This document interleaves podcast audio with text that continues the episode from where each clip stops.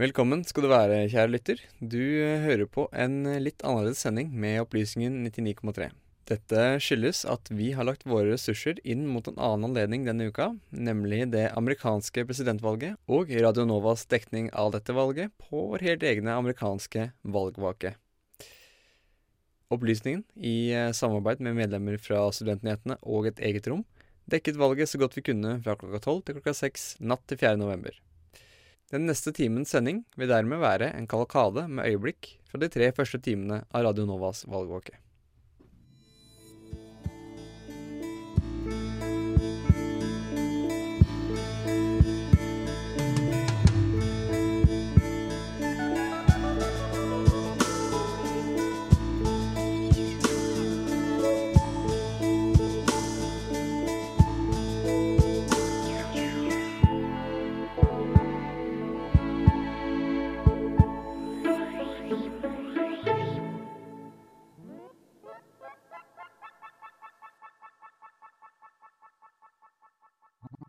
Radio Novas, Amerikansk valgvake.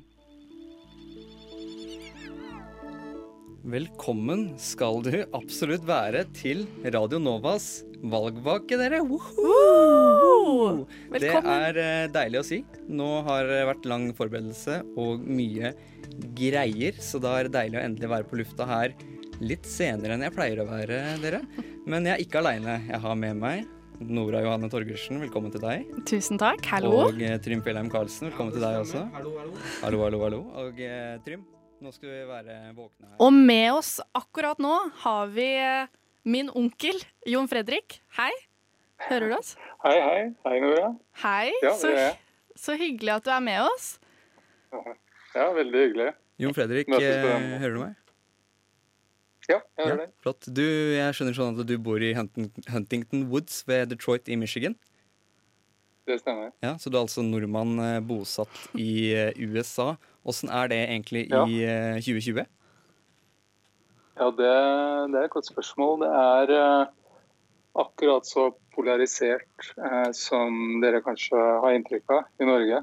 Jeg skal si De motsetningene det er veldig til å ta og føle på. Så jeg må si jeg, det har vært som jeg har vokst eh, Ikke vokst opp der, men bodd her så, såpass lenge, så man, eh, man ser mye. Altså merker mye på hvordan menneskene eh, på en måte behandler hverandre. og de akkurat det med politikk, det er eh, egentlig best å unngå i de aller fleste eh, eh, omgivelser. Så det Ja. er liksom Det er, det er veldig, veldig anspent, vil jeg si.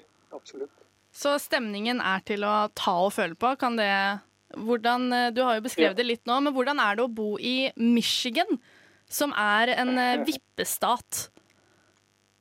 Det er det. Så det er, også veldig spesielt. Altså, akkurat her jeg bor, så er det en litt sånn demokratisk boble. Så Ja. altså, jeg føler, føler meg jo for seg hjemme her som nordmann og kan si, sosialdemokrat. Da. Så vi er jo på en måte vant, eh, vant til de holdningene som vi kanskje har har her.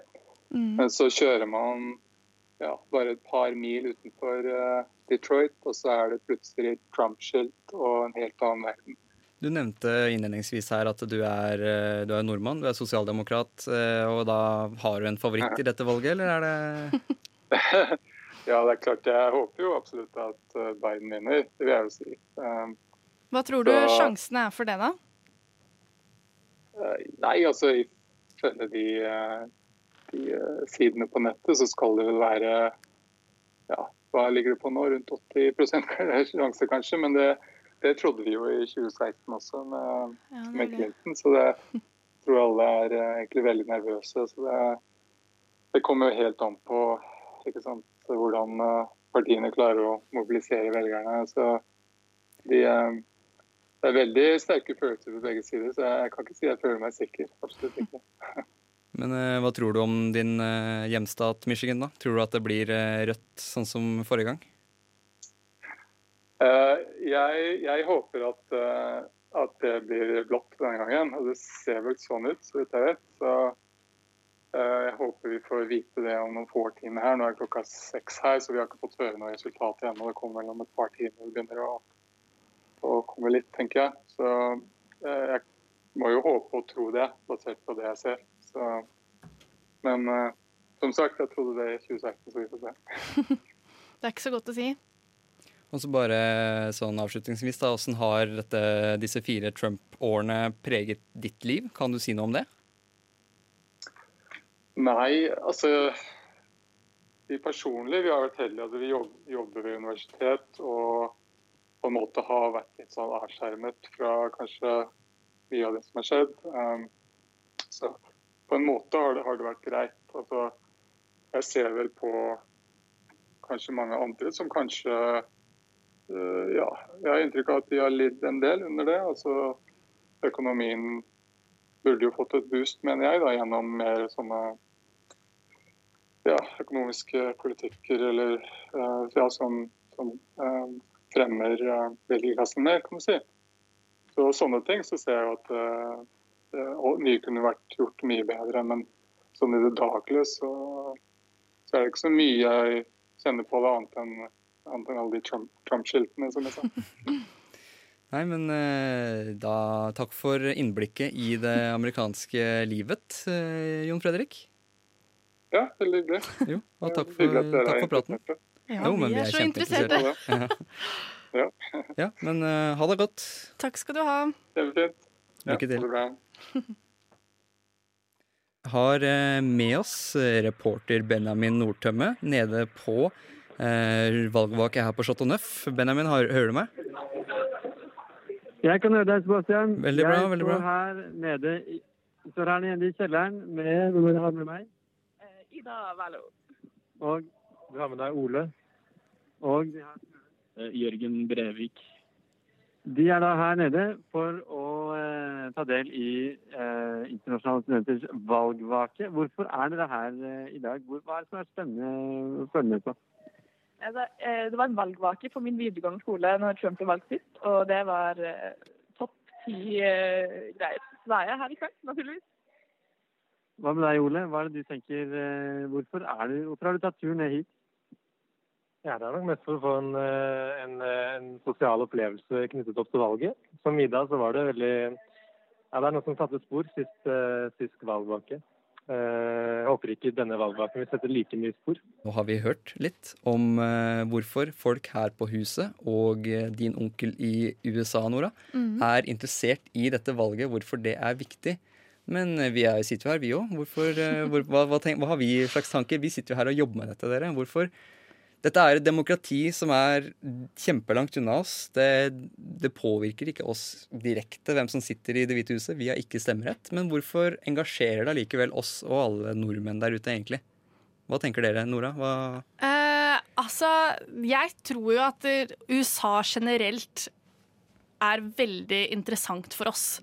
De har gjort seg veldig Klarer å gjøre seg interessante på så mange ulike måter, og jeg Jeg syns det bare er veldig interessant å se hvordan eh, Trump kan, kan bli en, en fyr som han kan bli president. Jeg syns det er et ekstremt eh, fascinerende land, rett og slett. Så derfor er jeg veldig interessert i valget. Ja, og der kommer jo Nora med noen gode poenger om litt, nesten en litt sånn underholdningsverdi ved å følge med på det amerikanske valget. Men så syns jeg også det er viktig å si, Sebastian, at det påvirker jo faktisk oss her, i, her også. Kanskje litt mer indirekte, men det, det USA er, er jo en massiv maktposisjon i verden. Og det USA gjør, legitimerer hva andre land gjør. Så hvis Trump f.eks. slår veldig hardt ned på skeive, som han dessverre gjør nå, så legitimerer det at f.eks. Polen og andre land også kan behandle, fordi de kan si ja, men USA gjør det jo ikke bedre, og USA skal liksom være et fyrtårn for demokrati. Og Derfor syns jeg det er viktig å følge med på hva som skjer der. Fordi hvis et land som er fyrtårnet, i hermetegn, for verdens demokrati og verdens fred, da velg, har valgt en som Trump, hvordan påvirker det andre demokratier over hele verden, da? Men eh, hvorfor tror dere dette engasjerer eh, den gjengse nordmann så mye, da? Bare sånn generelt. For dette, du sier, Nora, at dette er noe som, eh, noe som mange bryr seg om, men allikevel så er det jo også noe mange forstår, vil jeg si. Det er lett å forstå og gripe tak i på en måte, det amerikanske demokratiet, fordi det er det blir forklart ganske enkelt ganske ofte, vil jeg si. da, At du får sånn Du har dem, du har dem, og så stemmer de, og så får du president, og så er det ganske enkelt og greit. Ja, altså det jeg skulle si var at det, er jo veldig, eh, veldig oversiktlig. Det er, to, det er to partier, eller sånn Det er Demokratene og Republikanerne. Så vi syns nok det er ganske enkelt å forholde oss til, tror jeg. Det er jo litt som en eh, massiv såpeopera, hvor du har liksom alle karakterene, og det er veldig sånn karikatur i den amerikanske politikken, og vi har det litt i Norge, men ikke til samme grad, da. Så det blir nesten litt sånn underholdende, og jeg tror kanskje litt grann at enkelte av oss, i hvert fall de siste fire årene, har kjent på litt sånn skaden Schadenfreude, ikke sant? At man nesten er litt sånn skadefryd over hva Trump gjør. Ikke at man ønsker USA noe vondt. Og så må det jo sies at Norge og USA har hatt et ekstremt tett bånd helt siden da 50-tallet, da. Eh, Erna, nei, Donald Trump ble nevnt eh, x antall ganger mer enn Erna Solberg i 2017, mener jeg hører. At det, det, er noe som virkelig engasjerer oss, og det er noe som avisene virkelig får klikk av. vil jeg også si, At det er noe vi, vi vil lese om. For det er, kanskje det er så forskjellig fra systemet vi har her i Norge. Og det er også noe jeg tror mange innser når de eh, setter seg ned og begynner å lære litt om det amerikanske systemet. At det er ikke som her. Fordi at man skulle tro at eh, man stemmer på presidenten, og så blir presidenten valgt fordi at eh, antallet stemmer som går inn, går ut med i form av president. Men det er jo egentlig ikke sånn det er. For vi husker jo 2016. Donald Trump tapte vel med var det tre millioner eller noe sånt sprøtt stemmer. Mm. Og allikevel så, allikevel så, stakk han av med den gjeveste posisjonen i, i, verden. Den mektigste posisjonen i verden. Eh, takket være da det systemet som vi da skal høre litt om. Fordi du, Trym, satt deg egentlig ned og, ned og lagde en liten sak om dette. Ja, det stemmer. For jeg, ble, jeg er veldig fascinert med dette politiske systemet i USA.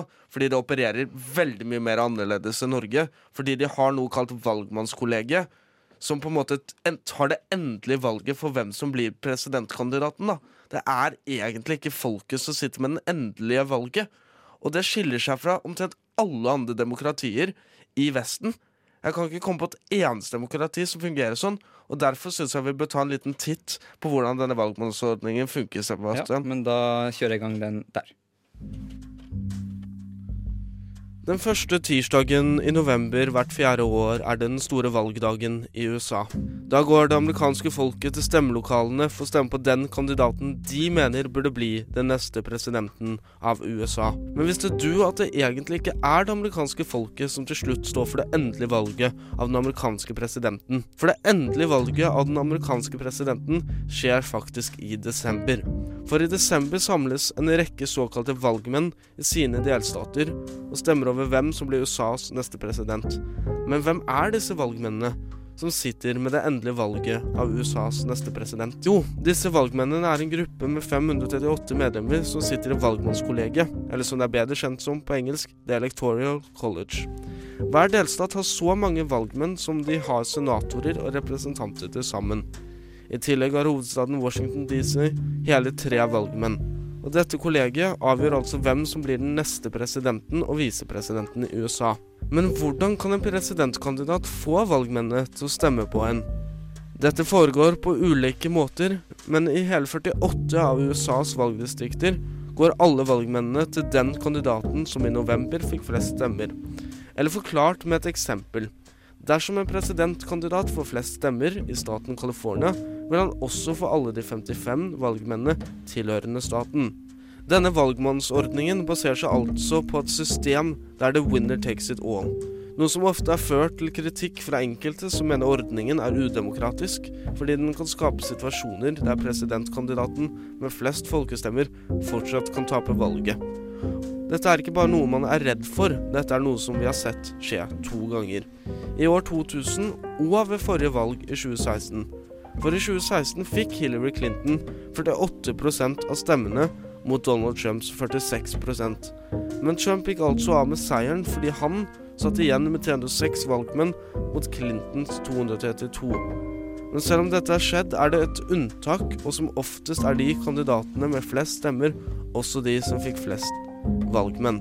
Så dersom du skal følge med på valget, bør du ikke bare følge med på hvor mange folkestemmer kandidatene får på nasjonal basis, men også hvor mange kandidater de får i hver enkelt stat.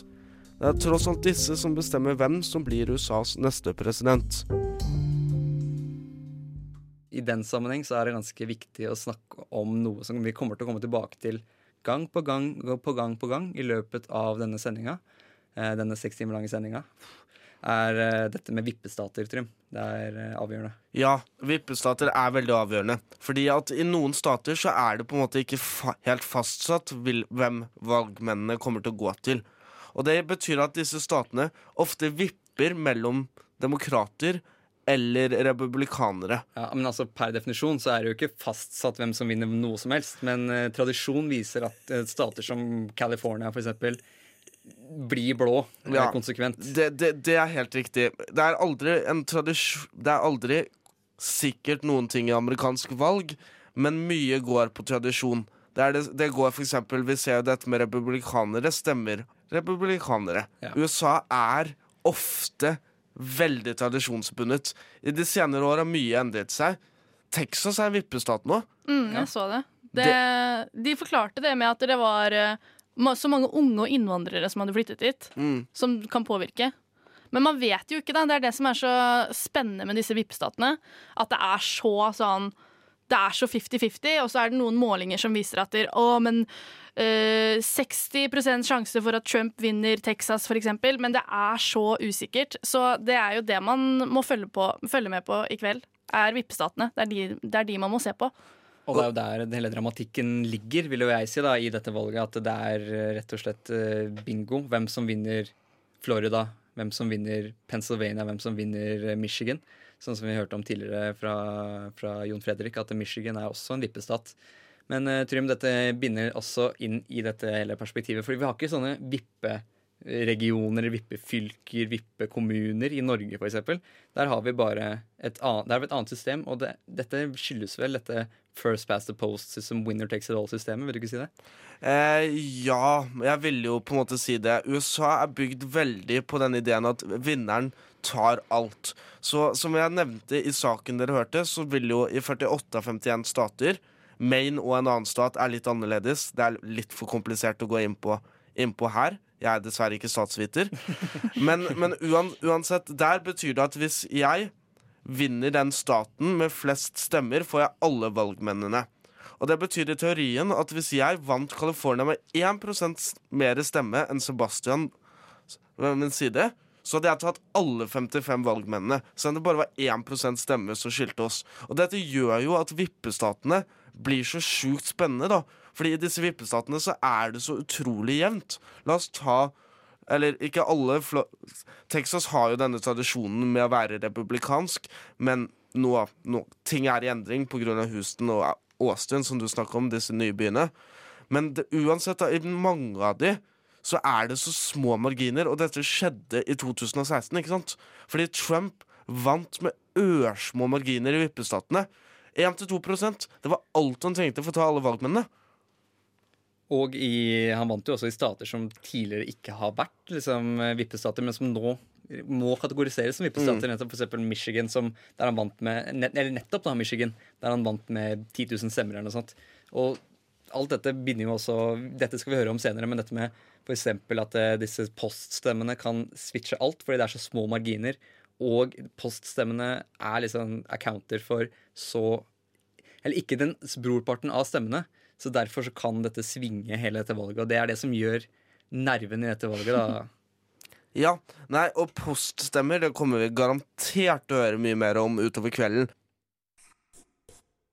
Når vi går ut av studio klokken seks, og du slår av radioen, tror du kanskje at du sitter igjen med svaret på spørsmålet hvem blir USAs neste president? Men akkurat det kan jeg ikke love deg. Og jeg skal forklare deg akkurat hvorfor. Selv om det er naturlig å trekke linjer til tidsforskjellene, er det ikke akkurat dette jeg er ute etter i denne saken. Fordi, ja, det stemmer at Hawaii som siste stat stenger sine valglokaler klokken seks. Men dette er nok ikke nok til å utgjøre den virkelige forskjellen. I Hawaii står det tross alt bare om fire valgmenn. Nei, det jeg sikter til i denne saken, det er stemmeopptellingen. Og la oss bare gjøre én ting klart med en gang. Det er ikke sånn at opptellingen i USA fungerer på en radikalt annen måte. Akkurat som i Norge begynner de å telle stemmene idet valglokalene stenger. Men det er én type stemmer som ikke kan telles opp akkurat da. Og det er disse stemmene denne saken skal handle om. Vi skal nemlig snakke om poststemmer, eller mail in absence ballots. Akkurat som alt annet gøy er også dette litt vanskelig å komplisere. Så for å gjøre det enklere, la oss ta et konkret eksempel og fokusere på The Keystone State, eller staten bedre kjent som Pennsylvania. I 2016 vant Donald Trump statens 20 valgmenn med 50 000 stemmers margin. Og selv om staten stenger valglokalene klokken 02.00 norsk tid, betyr ikke dette at vi får resultatene ganske kjapt etterpå. Dette er av tre ulike grunner, og vi begynner med de to første som er knyttet til nettopp poststemmer. For det første har de ulike områdene i Pennsylvania ulike regler knyttet til når de teller poststemmer. Noen steder teller de dem samtidig som de andre, mens de andre steder telles etter alle de andre stemmene. Samtidig er det viktig å legge til at prosessen for å telle opp poststemmer er en litt annen enn prosessen for å telle opp vanlige stemmer. Når du går til valgurnene ved et vanlig norsk valg, kontrolleres identiteten din så de vet at du har stemmerett og ikke allerede har stemt. Det vil si at idet du legger stemmen ned i urnen, er det en bekreftet stemme. Men når en stemme kommer inn via posten, er den ikke kontrollert. Altså må den først kontrolleres, noe som gjør at det tar lengre tid. Noe av det de sjekker når de kontrollerer en poststemme, er om dette er den eneste stemmen som kommer fra personen, om det er personen selv som er stemt, eller om stemmeseddelen er gyldig. Den andre grunnen til at Pennsylvanias endelige resultat kan komme senere enn valgnatta, er fristen for å stemme. Fristen for å sende inn poststemmen din i staten er i dag 3. november. Vil si at konvolutten din må være stemplet denne dagen. Men stemmen må ikke være inne hos de som skal telle stemmene før den 6. november. Altså kan det være at de siste stemmene i Pennsylvania kommer først seks dager etter valget. Det hjelper ikke på dette at 2020 etter prognosene vil bli et rekordår for poststemmer, da det har blitt bestilt over 60 millioner stemmesedler. Grunnen til at det er så mange som har stemt via post, er at mange er redde for å møte opp ved valglokalene grunnet covid-19. Nå tenker du sikkert, men hva så med disse poststemmene? Vil vi ikke i det minste få en klar indikasjon før poststemmene er talt opp? Svaret på dette er nei. Ifølge undersøkelser er det nemlig 75% større sannsynlighet for at en poststemme tilhører en demokrat enn en republikaner. Altså er det en stor sannsynlighet for at det kan være en ledelse til republikanerne, men at det tipper idet poststemmene telles opp. Det er altså viktig å få med alle poststemmene. Men som nevnt er det enda en grunn til at stemmene i Pennsylvania kan måtte vente på seg. Det er nemlig en veldig viktig stat ved årets valg. Ifølge 538 er det ikke langt unna dødt løp mellom de to ulike kandidatene, og kun knappe fem prosentpoeng skiller de to kandidatene i staten. Altså er det ganske sannsynlig at man i Pennsylvania vil bli nødt til å telle stemmene en gang til, noe som vel ikke nødvendigvis vil få prosessen til å gå noe særlig fortere. Nå skjønner du forhåpentligvis litt mer om hva en poststemme er, og hvorfor de vil føre til at opptellingen vil ta så lang tid. Så vi forlater The Keystone State for å forsøke å svare på et annet spørsmål. Når får vi vite hvem som blir USAs president? Dette er et spørsmål som er vanskelig å gi et konkret svar på, fordi USAs 50 stater har ulike lover for akkurat dette. Statenes frist for å innrapportere korrekte valgresultater varierer nemlig ganske mye. I stater som Oklahoma, New Hampshire og Connecticut har de en ukesfrist, mens de i Iowa, Utah og Texas har en frist på fire uker. Det vi kan si med mest sikkerhet akkurat nå, er at resultatet helt sikkert vil være klart innen 30 dager. Da løper nemlig denne fristen ut i California og West Virginia. Og med tanke på at 60 av USAs valgmenn tilhører disse statene, vil nok ikke et resultat være klart før disse to statene er ferdig telt. Men slapp av. Sannsynligheten for at du må vente i 30 dager før valgresultatet er klart, er svært liten. Men sannsynligheten for at vi må smøre oss inn med tålmodighet selv etter at du slår av radioen klokken seks, den er ganske stor. Så jeg tenker uten for mye om om menn, så går vi og hører om eh, en liten sånn biografi, nærmest. Den er temmelig lang, om eh, nettopp Joe Biden. New day. Tomorrow, we can put an end to a presidency that has left hardworking Americans out in the cold. Tomorrow, we can put an end to a presidency that has divided this nation. På sitt tredje forsøk på å bli den frie verdens leder er Joseph Robinette Biden jr., for de fleste bare kjent som Joe, nærmere enn noen gang før. Mellom den 77 år gamle tidligere visepresidenten og Det ovale kontor står nå bare en håndfull viktige vippestater og en mye omdiskutert president og hotellkonge fra New York. President Trump trenger neppe noen introduksjon på dette stadiet. Men hvordan har veien mot å bli tidenes eldste presidentkandidat vært for Joe Biden? Hvem er denne mannen som lanserer seg som det sindige motstykket til Donald Trump? Vi skal spole tilbake til 1942 og en by de som har fulgt med på HBO-serien The Office, kanskje drar kjensel på, nemlig Scranton, Pennsylvania. Her ble lille Joe jr. født den 20. november 1942. Tross i å komme fra en relativt velstående familie, hadde Joe senior gått på noen økonomiske smeller i årene før hans første sønn ble født, og de første årene av Joe juniors liv slet familien med å få endene til å møtes. Da Joe var ti år gammel, ga familien opp Pennsylvania og flyttet til staten Delaware. Selv om hans motstander i dag kaller han for Sleepy Joe, var Biden en svært aktiv ungdom. Han var på skolelaget i amerikansk fotball på både high school og det første året på universitetet. Som elev og student skal han ikke ha vært all verdens, og han fullførte bachelorgraden sin langt nede på rangeringslistene for kullet sitt. Han viste seg derimot tidlig som en engasjert lederskikkelse, og var bl.a. klassepresident. Det var først da han traff sin kone Nilia at brikkene i Joe Bidens liv begynte å falle på plass, og han skal virkelig ha begynt å få ambisjonene sine i orden. Han begynte nå å ta studiene svært seriøst, og da hans kommende svigermor spurte hva han skulle gjøre med livet sitt, skrøt han av at han skulle bli nettopp president i USA. Biden fullførte jusutdannelsen sin ved Syracuse University, og som nyutdannet jurist ble også familien Biden stiftet, og sønnene Beau, Hunter og datteren Naomi kom til verden. Det var også på denne tiden Joe Biden begynte å engasjere seg politisk, og han markerte seg blant demokratenes yngre og reformistiske garde. På kort tid ble han valgt inn i Senatet som en av de yngste gjennom tidene. Livet smilte for Joe Biden jr. Men snart skulle lykken snu, og en av de tyngste periodene i livet til Joe Biden begynne. Akkurat etter at Biden hadde blitt valgt inn i Senatet, var resten av familien på vei hjem fra å ha handlet juletre. På en smal landevei krasjet mor og barn med en lastebil. Nilia og datteren døde samme dagen, mens guttene ble hardt skadde, men overlevde. Biden ble tatt i ed som senator fra soverommet på sykehuset der sønnen fortsatt lå til behandling. Som vi kan skjønne, fikk Joe Biden en tøff start på sitt politiske virke, og skal ha mistet litt av momentumet og piffen etter den personlige tragedien. For å være nær sønnene sine pendlet han hver dag med tog fra Delaware til Washington, noe han fortsatte med hele sin tid i Senatet. Og han har siden vært en sterk forkjemper for satsing på jernbane i USA. Det var først da han traff sin andre kone Jill i 1975 at Biden fant igjen gleden ved livet og det virkelige politiske engasjementet. De neste årene bygde han seg opp et renommé som en respektert senator, og han stilte til valg som president for første gang i 1987. Bidens kampanje startet sterkt, og han var en av favorittene til å vinne demokratenes nominasjonsvalg. Men da en skandale der det kom fram at Biden hadde kopiert flere taler, møtte han veggen. Da det attpåtil kom fram at han hadde strøket en gang på universitetet for å ha plagiert en hel artikkel, var det slutt for kandidatet hans. Joe Biden trakk seg. Det skulle derimot vise seg at nettopp nederlaget kanskje var akkurat det som reddet livet hans. Måneder etter fiaskoen fant legene en blodpropp i hjernen hans.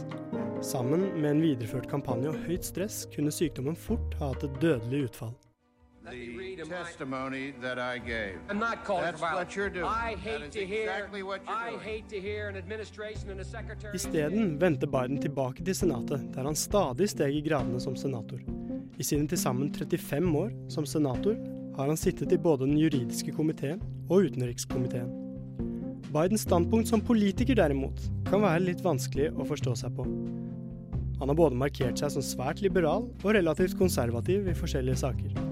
Han har bl.a. markert seg sterkt for kvinners rettigheter, samtidig som han også har fått kjeft for flåsete og diskriminerende kommentarer mot nettopp kvinner.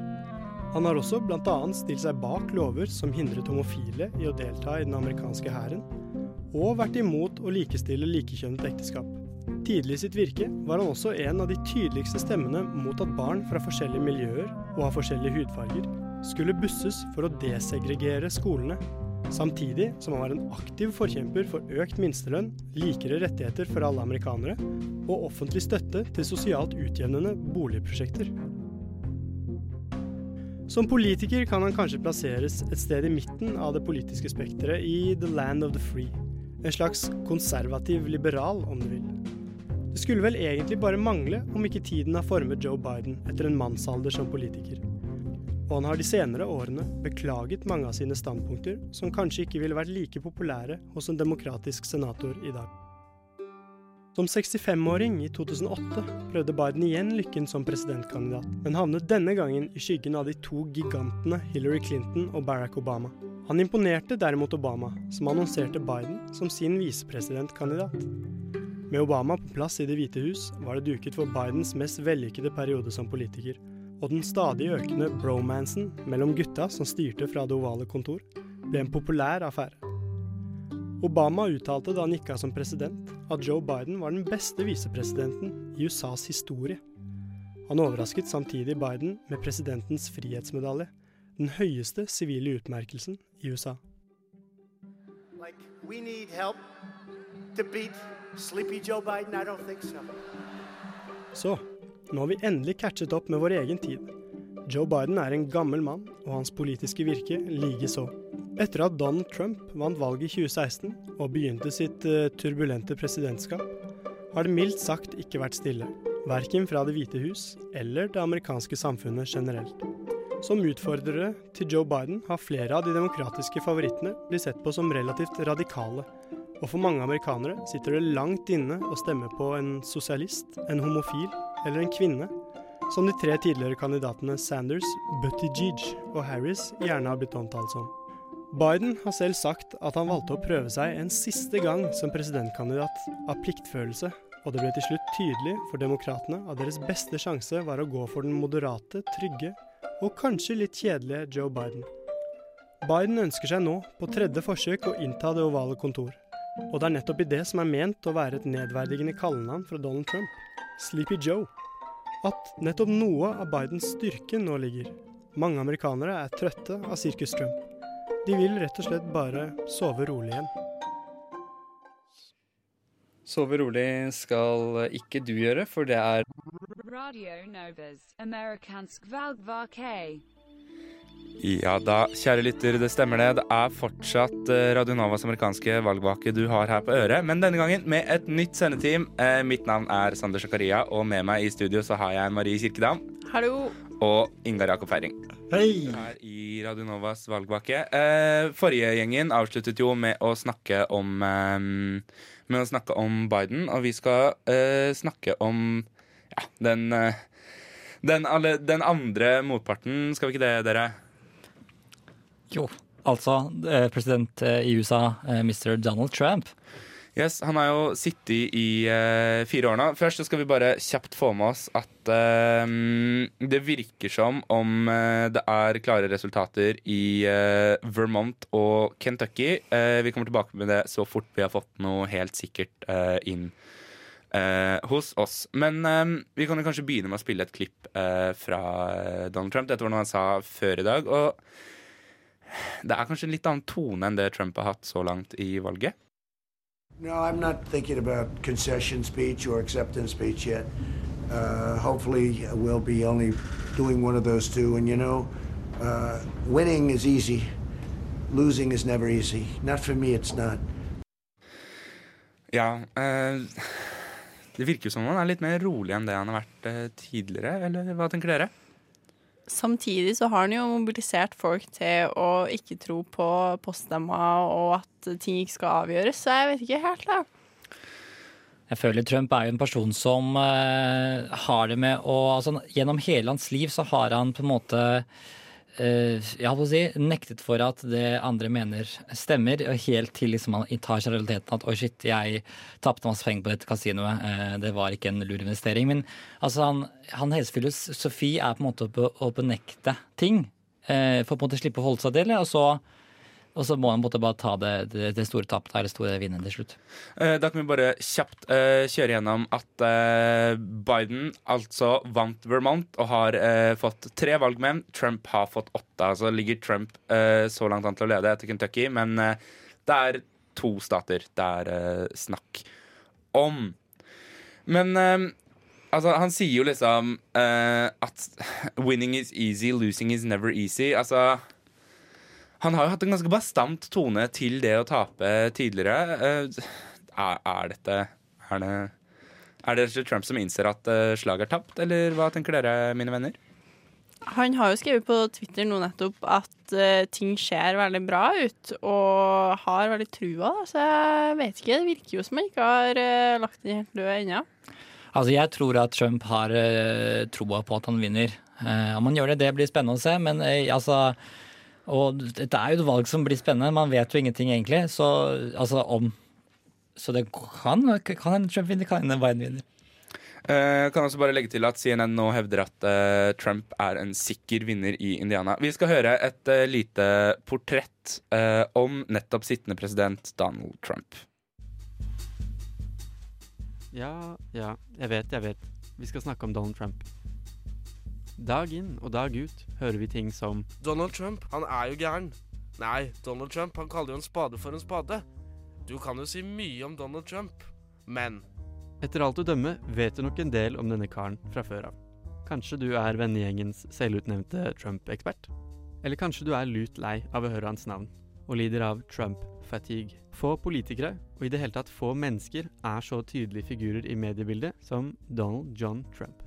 I 2017 ble Donald Trump omtalt tre ganger så ofte av norske medier som vår egen statsminister Erna Solberg. Og mens verden reflekterer rundt Trump-administrasjonens siste fire år ved makten, skal vi til 1946. En tid lenge før reality-programmer. I øvre middelklasse-nabolaget Jamaica Estates i Queens, New York, vokser opp en gutt kalt Donald J. Trump. Hans far var Frederick Trump jr., en forretningsmann og eiendomsinvestor i New York. Etter endt utdanning på Wharton School of Business på Ivy League-universitetet UPenn begynte unge Donald Trump i farens selskap. Gjennom å flippe eiendommer på Manhattan tjente Donald og faren veldig godt på en rekke lukrative skattefritak som de fikk av en byregjering i dype økonomiske vanskeligheter. Mange byer i USA slet med høy gjeld, og på slutten av 70-tallet var New York på randen av konkurs. Eiendomsmoguler og forretningsmenn utnyttet situasjonen ved å kjøpe billige boliger. Takket være en rekke reformer påbegynt under Ronald Reagans presidentskap, ble det økonomiske klimaet i New York og USA langsomt bedre utover 80-tallet. Hvis vi skal forsøke å plassere Trump-familiens virksomhet i kontekst, sammenfaller det godt med den såkalte jappetiden og nyliberalismens gullalder på 1980-tallet. Det var i dette kulturelle og økonomiske klimaet Donald Trump fikk sin politiske oppvåkning. Donald Trump var på mange måter arketypen av den velkjente og vellykkede investoren, som i jappetiden kan sies å ha vært en slags idealskikkelse. Christian Bales portrett av karakteren Patrick Bateman i filmen American Psycho er angivelig basert på en yngre Donald Trump. Og i 1989 ble Trump intervjuet av TV-kanalen ABC, der vi kan høre hans misnøye med alt fra USAs føderale gjeld til en oppfatning om at andre vestlige land som Tyskland og Japan systematisk utnyttet USA. Det er nettopp disse momentene som har blitt kjennetegn i Trumps politiske verktøykasse. To meninger som Donald Trump har hatt i snart fire tiår. Den gang som nå har dette vist seg å resonnere godt blant de republikanske velgermassene. Den store overraskelsen for fire år siden var nettopp det at Trumps unike populistiske cocktail kunne sikre presidentskapet. Republikanske tungvektere som Mitch McConnell og Ted Cruz har i løpet av de siste fire årene gradvis kunnet gå god for trumpismen. Det er liten tvil om at Donald Trumps presidentepoke har fundamentalt endret det republikanske partiet i retning av økonomisk proteksjonisme, en forlatelse av klassiske idealer om frihandel og internasjonalt samarbeid. Så skulle det bli fire nye år med America First eller ikke, så er det liten tvil om at Donald Trump også har satt sine spor i medielandskapet i USA så vel som i Norge. Er du en av de som håper på Bidens seier og vil slippe å høre mer om Donald Trump, så er det dessverre stor sjanse for at Trump fortsatt vil ha en plass på avisforsidene i mange år fremover.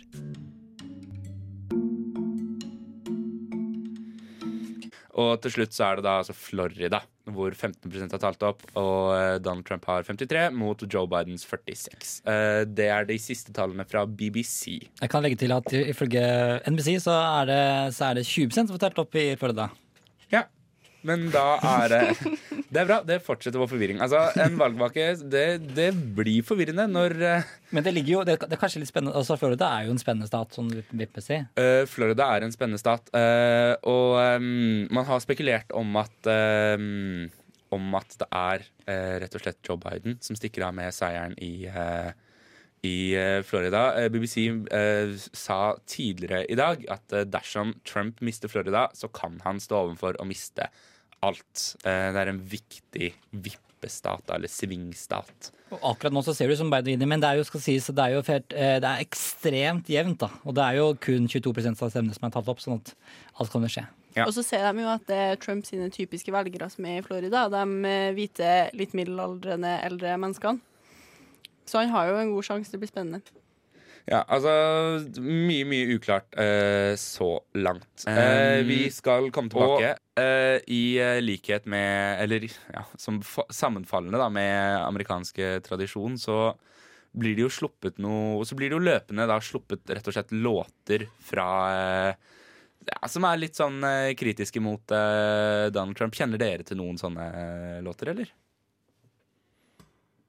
Du har jo eller det, Jeg tror Pussy Riot eh, slapp en sang en gang om som het Make America Great Again. Som eh, var litt kritisk. Og vi har jo noen i systemet her, har vi ikke det?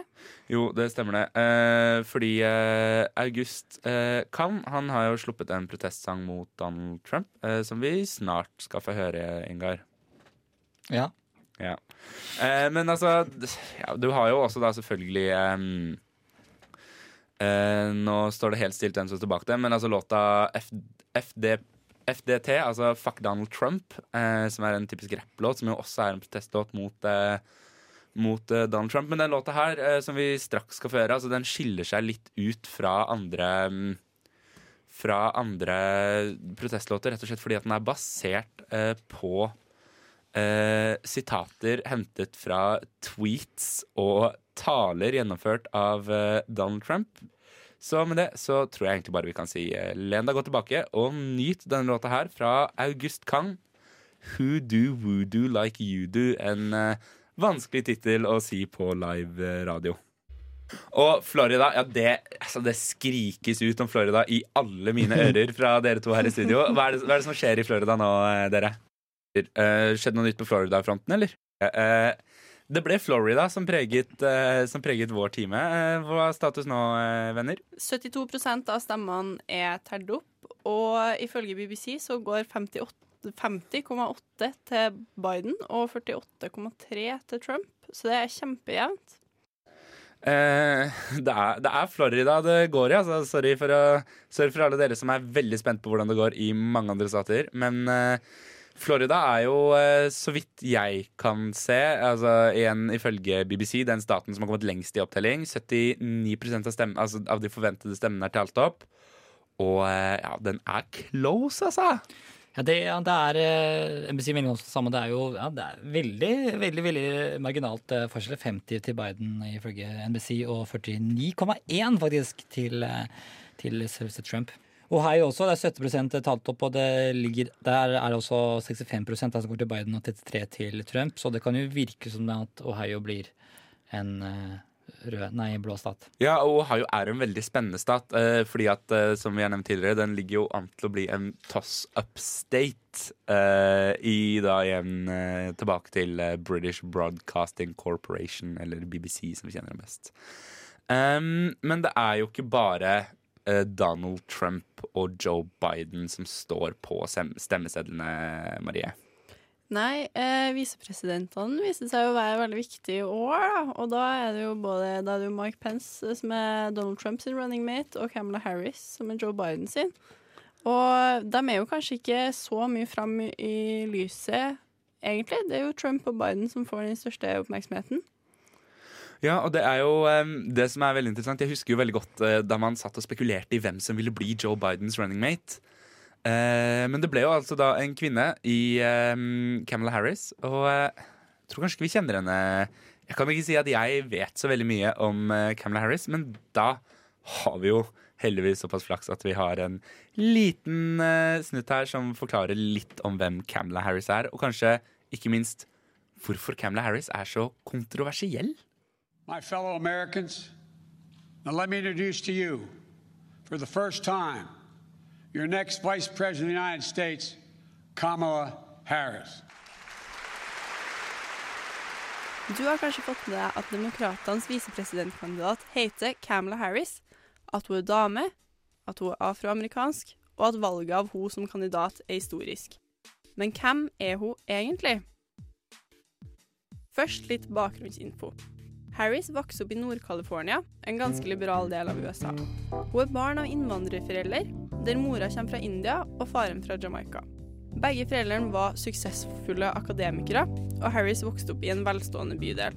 En oppvekst som The New York Times beskriver som prega av ballett, fiolin, valthorn og perfeksjonisme. Etter ferdige jusstudier jobba Harris både som statsadvokat og riksadvokat i California før hun gikk inn i politikken. Og her har du kanskje fått med deg at det har vært noe oppstyr. Det viser seg nemlig at Harris sin tidligere karriere i påtalemyndigheten ikke faller i god jord hos noen av de svarte velgerne i hjemstaten. Skal vi tro The Washington Post og New Yorker, stammer ryktet hennes som hardhendt polititopp bl.a. fra at hun har kriminalisert foreldre til barn med for mye ubegrunna skolefravær, og at hun i boka si Smart on Crime skryter av å ha tredobla antall lovbrytere sendt i statlige fengsel. Men på tross av den lunkne mottakelsen fra enkelte California-velgere, har Harris mange støttespillere. Senatoren er den første afroamerikanske kvinnelige visepresidentkandidaten for et av de store partiene i USA. Hun stilte sjøl opprinnelig til valg som årets presidentkandidat, men endte med å trekke seg. I tillegg har hun lang erfaring som politiker fra Senatet. Det er likevel delte meninger om hvor hun står politisk. GovTrack, en selvstendig partiuavhengig organisasjon, lister hun som den mest liberale av alle de 100 senatorene.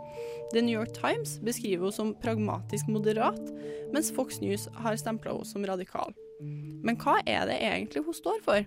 As I said, Joe, when you called me, I am incredibly honored by this responsibility, and I'm ready to get to work. I 2018 stilte Harris seg bak Bernie Sanders sin Medicare for All Act og ville ha jobb for å fjerne privat helseforsikring.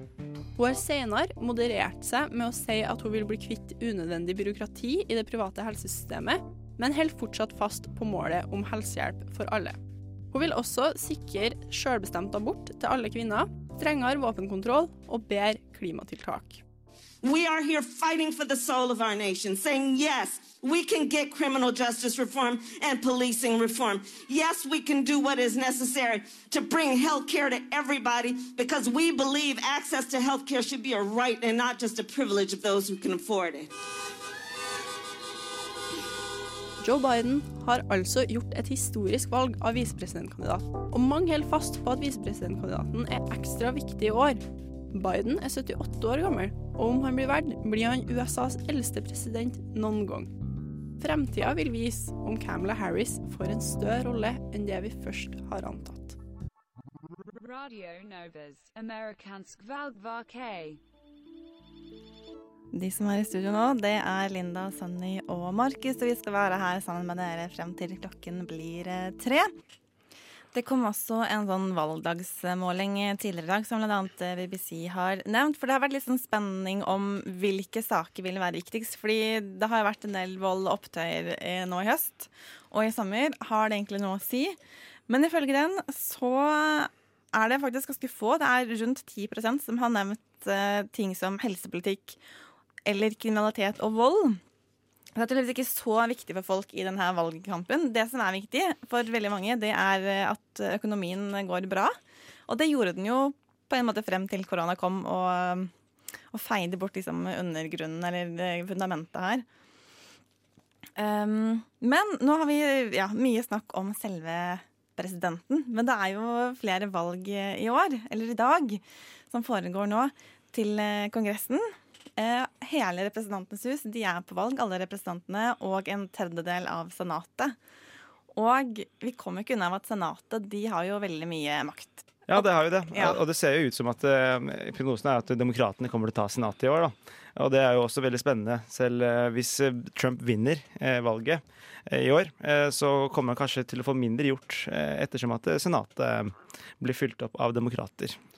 Ja, da vil vi jo kanskje få en uh, sånn, um, situasjon litt lignende det Obama hadde, hvor det, var, hvor det var republikanerne som styrte Senatet og blokkerte da mange av hans eh, forslag. Så det kan jo bli spennende å se hvis det er demokratene som vinner Senatet. Ja, for nå er det av de setene som er på valg, så er det per i dag eh, 23 republikanske seter og 12 eh, demokratiske seter. Eh, og liksom, hvis vi tar liksom bort alle de setene, ser bort ifra de som er på valg, så er det demokratene som har majoritet i Senatet. Eh, og så er spørsmålet hvor mange de klarer å kapre. Det er ikke sikkert de trenger å kapre mer enn fire-fem nye seter, og så får de et knapt eh, flertall. Og så er det jo slik at Senatet består jo av 50 politikere, to fra hver delstat. Og reglene er slik at er det 50-50, så er det visepresidenten som er den avgjørende. 51. stemmen. Eh, så de skal demokraten demokratene liksom ta tilbake makten i Senatet, så er de helt avhengig av å ha liksom være uavhengig av visepresidenten. For det kan jo ende opp med å bli Trump-Pence. Nei, men eh, Ikke for å bytte helt tema, men nå ser det faktisk ut som eh, Markus som nevnte, at eh, Florida blir eh, eh, rødt. Er, nå er jo 50, 85% av stemmene. Det er ikke helt sikkert ennå, det er fortsatt noen marginer igjen. Men du hadde jo rett med at nå tar Trump ledelsen. At nå går tallene i stigende.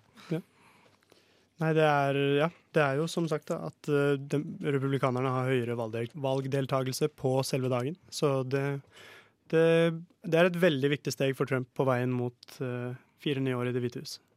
Det er, jo, det er jo mye snakk om økonomi og om eh, korona, og det, det er jo det som har vært som er aktuelt spesielt etter valget her. Så det er jo mange, det mange frykter i, i USA er jo at eh, korona blir verre, at det blir, at blir flere dødsfall blir med Trump som president. Men det, mange, det samme er jo den økonomisiden med Biden.